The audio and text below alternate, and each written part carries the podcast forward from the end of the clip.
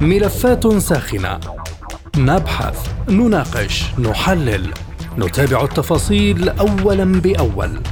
ملفات ساخنة برنامج يلقي الضوء على كل الملفات مع باقة من أبرز المحللين والمسؤولين. أهلا بكم مستمعينا الكرام في حلقة جديدة من ملفات ساخنة وهذه جيهان لطفي تحييكم. في ملف اليوم نناقش ماذا يعني إعلان إسرائيل انتهاء الاجتياح البري بمرحلته الكثيفة في شمال قطاع غزة.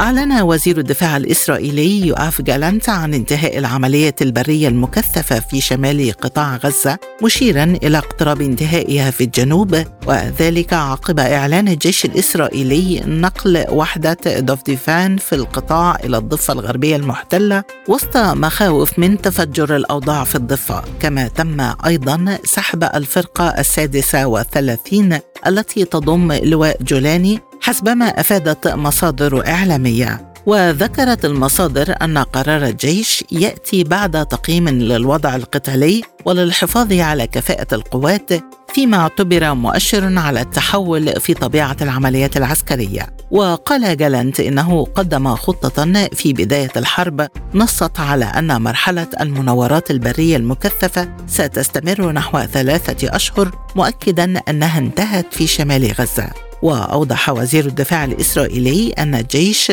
سيصل إلى مرحلة انتهاء العمليات البرية المكثفة في الجنوب قريبا. وأيضا أوضح أن الانتقال بعدها إلى المرحلة التالية من الحرب والتي لم يوضح طبيعتها أو مدتها كما لم يذكر ما إذا كان انتهاء العمليات البرية المكثفة في قطاع غزة يعني الانسحاب منه. وزعم الوزير الإسرائيلي أن جيش الاحتلال فكك كل القدرات اللوائية لحركة المقاومة الإسلامية حماس وأشار إلى أنه لا يزال أمام الجيش الإسرائيلي مراحل ليقطعها في محاور القتال من خان يونس إلى رفح فوق الأرض وتحتها. فماذا يعني إعلان إسرائيل انتهاء الاجتياح البري بمرحلته الكثيفة شمال قطاع غزة؟ هل هناك استعداد لإشعال الجبهة الشمالية لإسرائيل في مواجهة حزب الله؟ ومع التصعيد في محور فيلادلفيا هل تحتمل إسرائيل فتح جبهة مع مصر؟ ماذا حققت إسرائيل من أهداف بعد أكثر من 100 يوم على الحرب؟ حول هذه المحاور وغيرها تدور نقاشاتنا في حلقة اليوم من ملفات ساخنة. يسعدني في البداية أن أرحب بضيوفي في هذه الحلقة من إسرائيل معنا عبر الهاتف عضو الكنيسة السابق والمحلل السياسي الأستاذ إيلي نيسان ومن دمشق الخبير العسكري والاستراتيجي العميد عبد الحميد سلهب أيضا معنا من لبنان الباحث والكاتب السياسي الأستاذ ميخائيل عوض. مرحبا بكم ضيوفي الكرام ومستمعينا ابقوا معنا.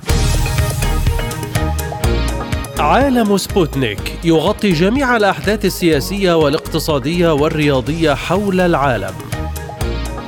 على مدار ساعة تتابعون عالم سبوتنيك مع أهم خبراء التحليل السياسي والاقتصادي. نقترب معكم في متابعة دقيقة من القضايا السياسية والاقتصادية، كما نستعرض أهم الأخبار الرياضية والفنية والبيئية. انتظروا عالم سبوتنيك أيام الجمعة والسبت والأحد من كل أسبوع. ملفات ساخنة برنامج يسلط الضوء على أهم القضايا الحرجة في العالم. في ملفات ساخنة نستعرض القضايا مع جميع الأطراف ومن كل الزوايا لاستجلاء الحقيقة. ملفات ساخنة يستضيف أهم الخبراء وأجرأ الضيوف تابعوا ملفات ساخنة مع راديو سبوتنيك أيام السبت والثلاثاء والخميس من كل أسبوع.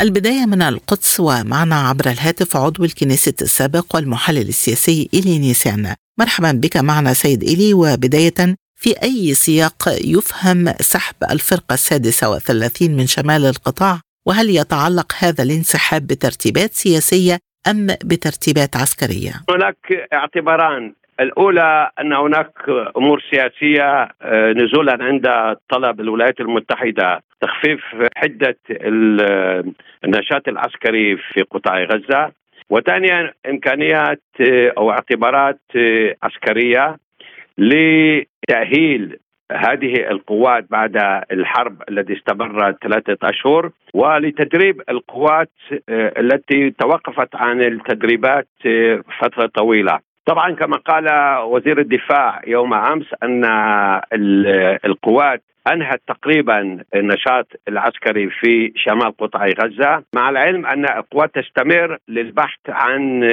أوكار المنصات الصاروخية التي تطلق من مركز قطاع غزة. وكما رأينا قبل قبل ربع ساعة رشقات من الصواريخ التي أطلقت باتجاه مدينة آه، نتيفوت أما آه، بكل ما يتعلق بالنشاط العسكري في منطقة خان يونس آه، القوات العسكرية مستمرة في هذا النشاط ولكن ببطء لأن حرصا على حياة المخطوفين الذين حسب المعلومات الاستخباراتية موجودين في الأنفاق في منطقة خان مع محمد ضيف ويحيى سنوار. ولذلك خشيه أن المخطوفين سيتعرضون لإمكانية المساس بهم. ولذلك القوات الإسرائيلية تقوم بنشاط بطيء وحذر حتى العثور على المخطوفين.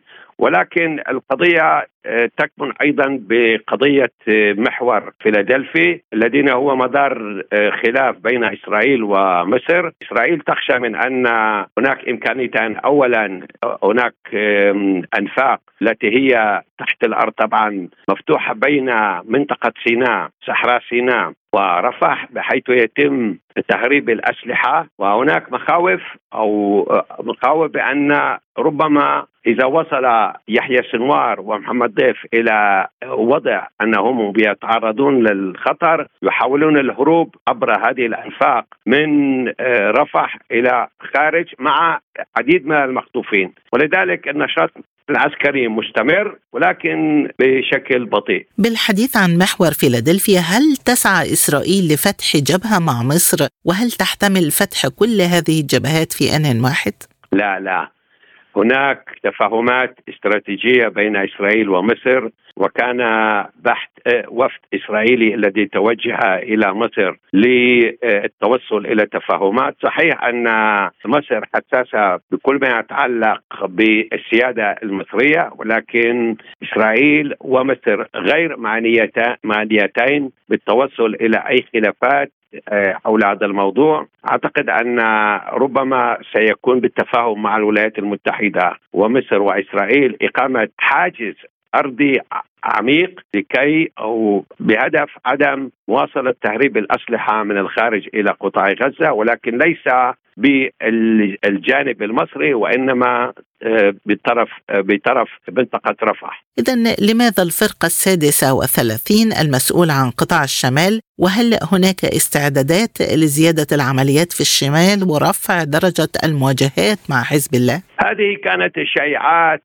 التي راجت في الأيام الأخيرة في وسائل الإعلام العربية أن إسرائيل تستعد بالحرب على منظمة حزب الله. آه، ولكن سمعنا العديد من التصريحات آه، من قبل صانعي القرار في إسرائيل إذا آه، منظمة حزب الله لن تكف عن إطلاق الصواريخ والطائرات المسيرة باتجاه إسرائيل مما أدى إلى نزوح أكثر من مئة ألف من سكان شمال إسرائيل من منازلهم وأصبحوا لاجئين في دولتهم. لم يكن مفر. إذا على سبيل المثال مساعي عموس هوكستين الذي موجود في لبنان لن تتكلل بالنجاح. ربما إسرائيل تقوم بعملية واسعة ضد منظمة حزب الله ولكن كل هذه في هذا الأوان هي أفكار لا أعلم ماذا سيحدث في المستقبل. كيف تؤثر الخلافات بين وزير الدفاع يوآف جالنت ورئيس الوزراء نتنياهو على الحرب وماذا نفهم من تصريح وزير الدفاع بأن عدم وجود خطة لغزة ما بعد الحرب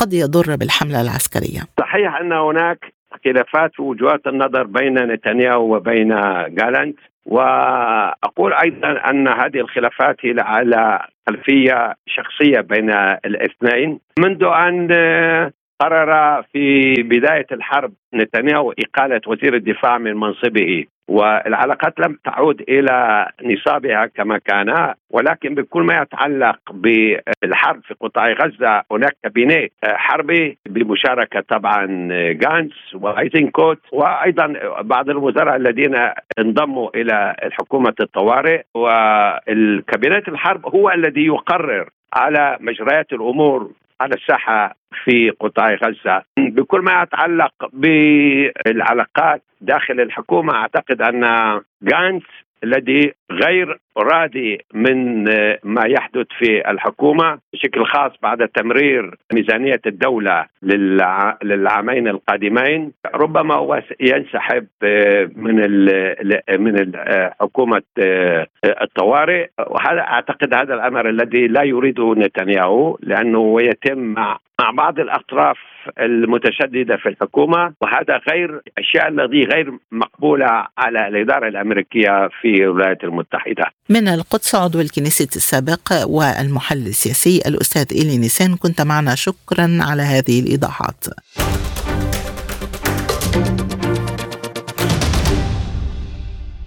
وحول المرحلة المقبلة من الحرب معنا عبر الهاتف من دمشق الخبير العسكري والاستراتيجي العميد عبد الحميد سلهب.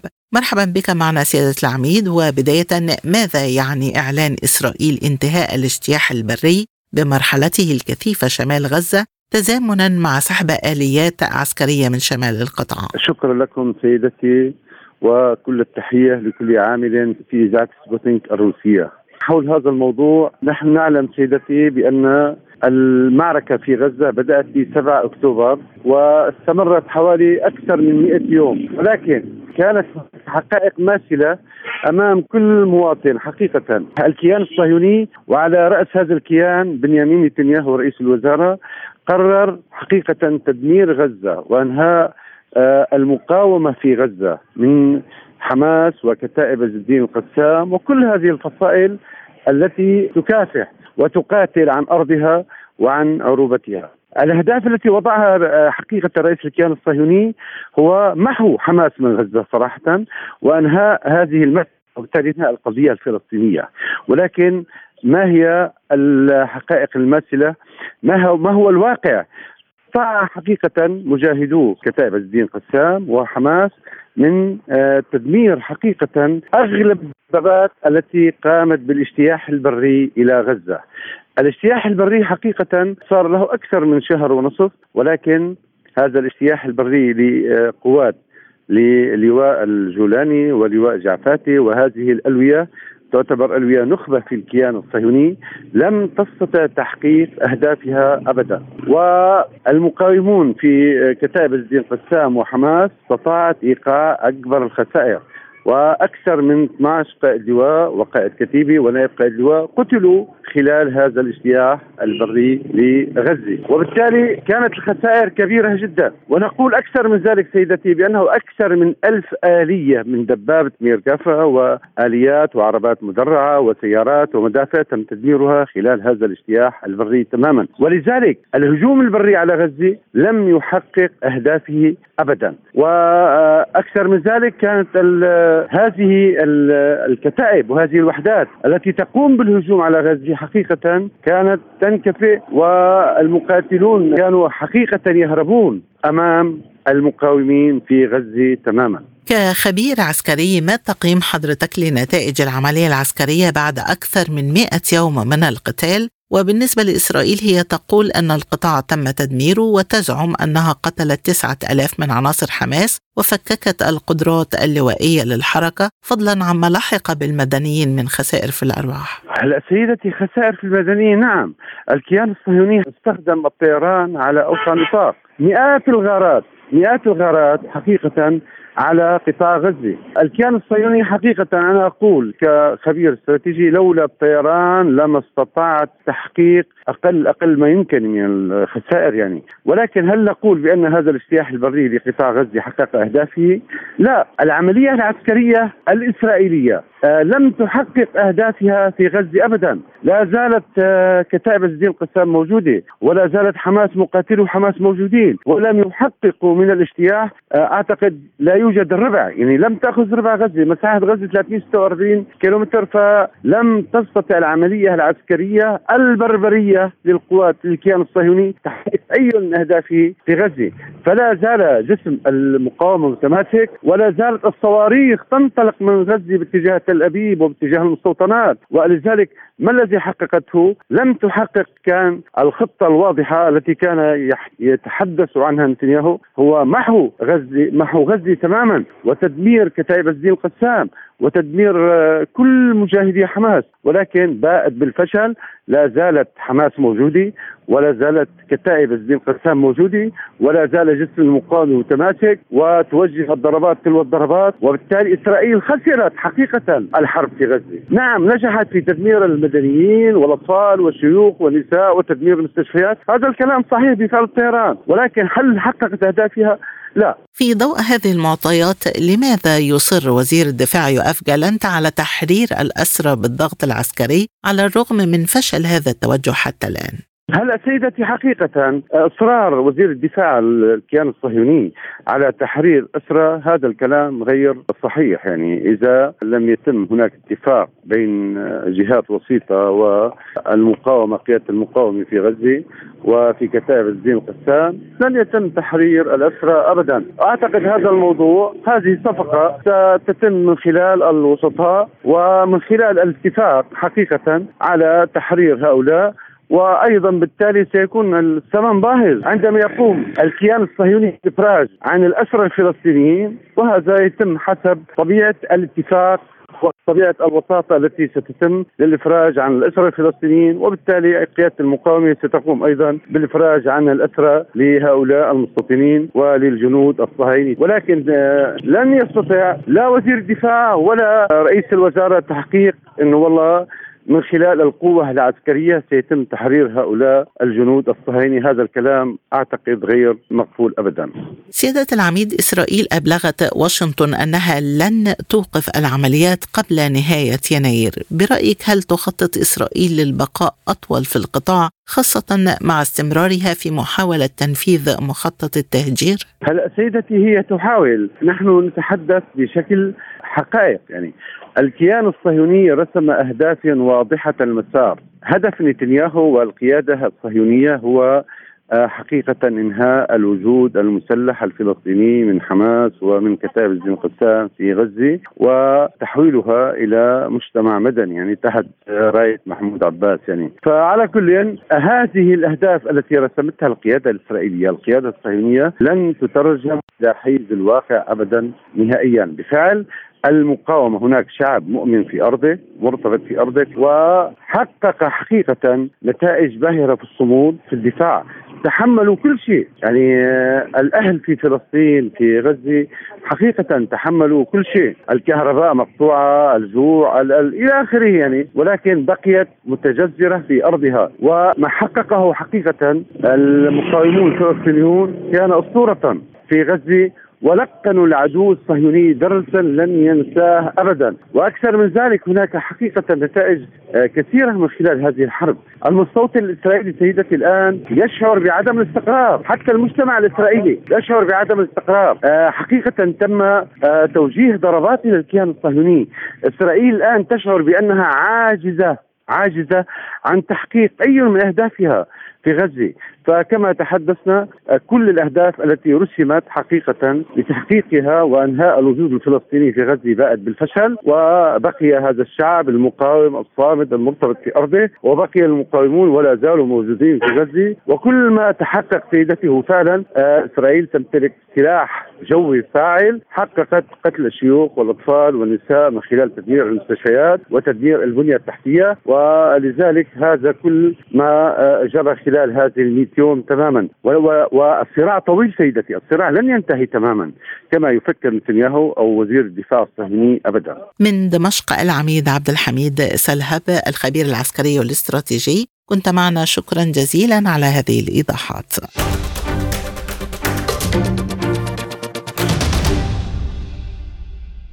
وحول مرحلة ما بعد الحرب معنا من لبنان الباحث والكاتب السياسي الأستاذ ميخائيل عوض.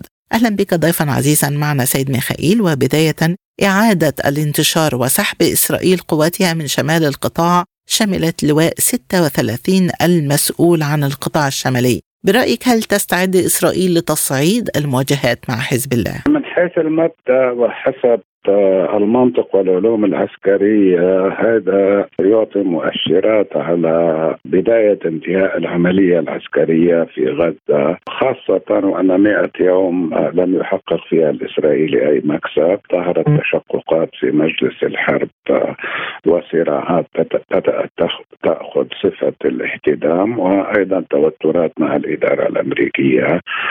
عسكريا ليس هناك جيش يدرك العلوم العسكرية يسحب قوة آه، منخرطة في اشتباك آه، دفعت خسائر معنويات جنودها متدنية وهابطة ليقحمها بحرب.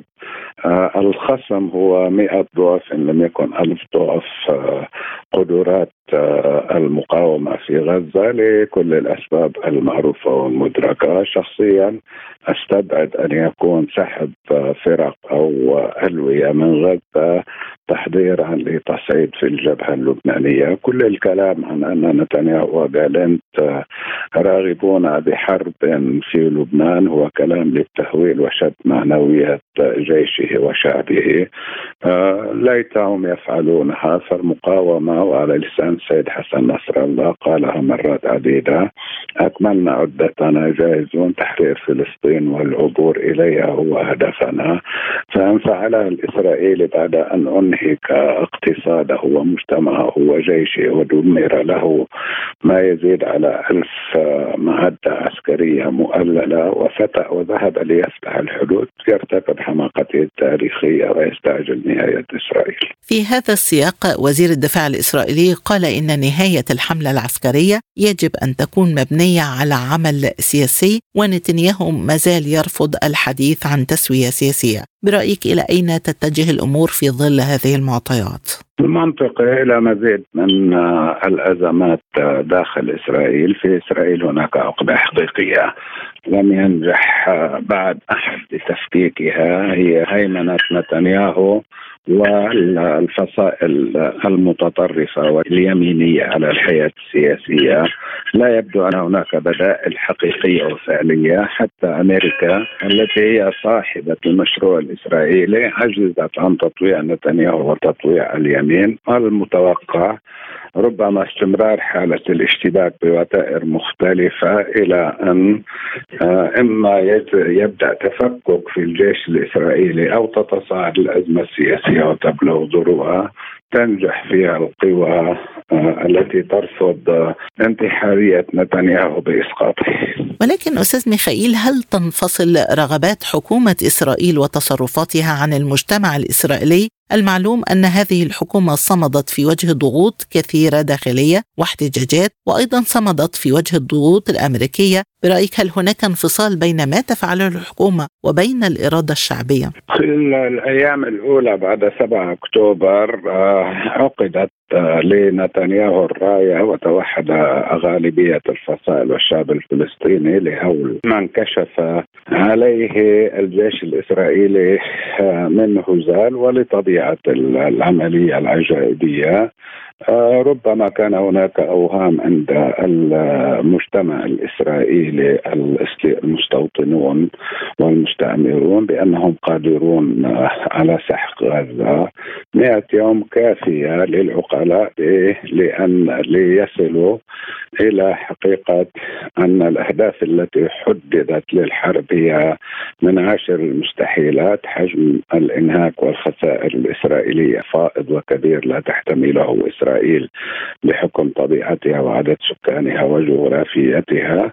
وهذا ما يفسر أن هناك اتجاهات واسعة في الرأي العام ترفض استمرار الحرب. وكل استطلاعات الرأي تعطي نتنياهو نسب متدنية إن جرت الانتخابات. العقدة الحقيقية هي في المجتمع الإسرائيلي وليس فقط باستيلاء نتنياهو ومحاولة وإعادة تكييف السيستم بما يتساوق مع بقائه وحمايته في في موقعه ومركزه.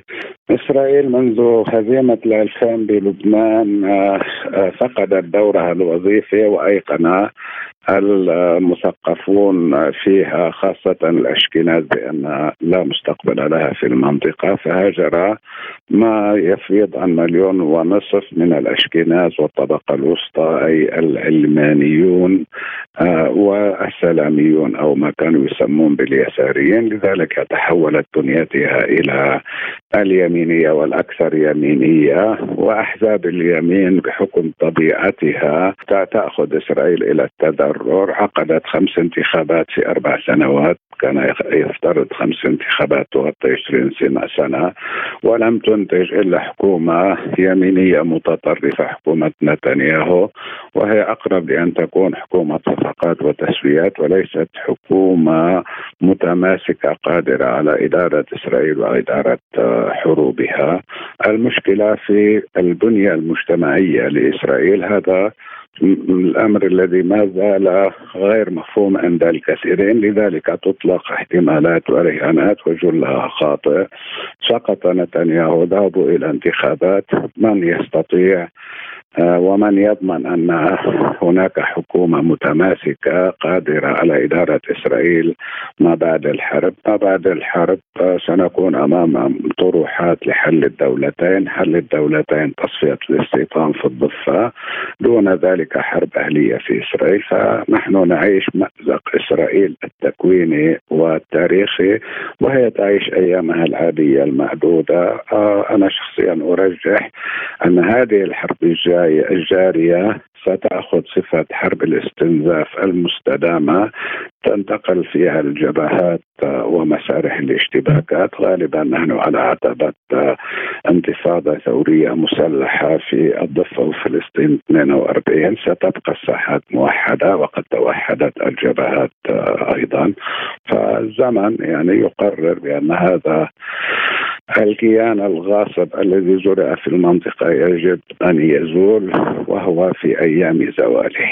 أخيرا وبالحديث عن هذه النقطة التردد السياسي لدى حكومة الحرب الإسرائيلية بشأن من سيتولى مسؤولية غزة بعد الحرب برأيك كيف يؤثر هذا التردد على التسوية السياسية؟ لا هو سؤال آه، ما اليوم الثاني للحرب آه، كم ستعيش إسرائيل في المنطقة اليوم الثاني للحرب آه، انتصار نوعي وهائل الأهمية لغزة ومحور المقاومة سقوط لإسرائيل انكشافها هي وأمريكا على أزمات ومأزق وخسارة حروب كبرى آه الذي يطرح اليوم الثاني بمفاعيل بأن هناك سيادة إسرائيلية أو سيطرة أو انتصار يتجاهل وقائع ومعطيات أننا الآن في حرب إقليمية، الحرب ممتدة على مساحة 3 مليون كيلومتر، أربعة بحار آه أساسية في التجارة العالمية في تصعيد الإمبراطوريات وأسقاطها، هذه يصبح فيها اليوم الثاني السؤال عن أين سيذهب الصهاينة؟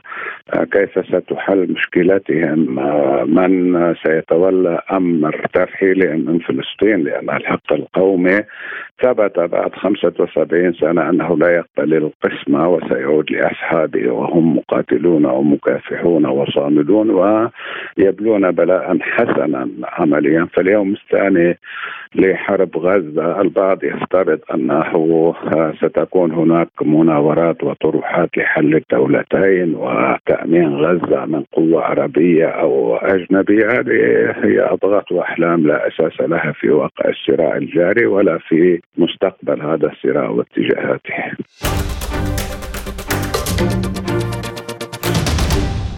وبحديث هذا نأتي إلى ختام حلقة اليوم من ملفات ساخنة. قدمتها لكم جيهان لطفي وللمزيد. زوروا موقعنا على الإنترنت سبوتنيك dot ae. شكرا لطيب المتابعة وإلى اللقاء. مستمعينا بهذا نصل وإياكم إلى نهاية هذه الحلقة من برنامج ملفات ساخنة. طابت أوقاتكم وإلى اللقاء.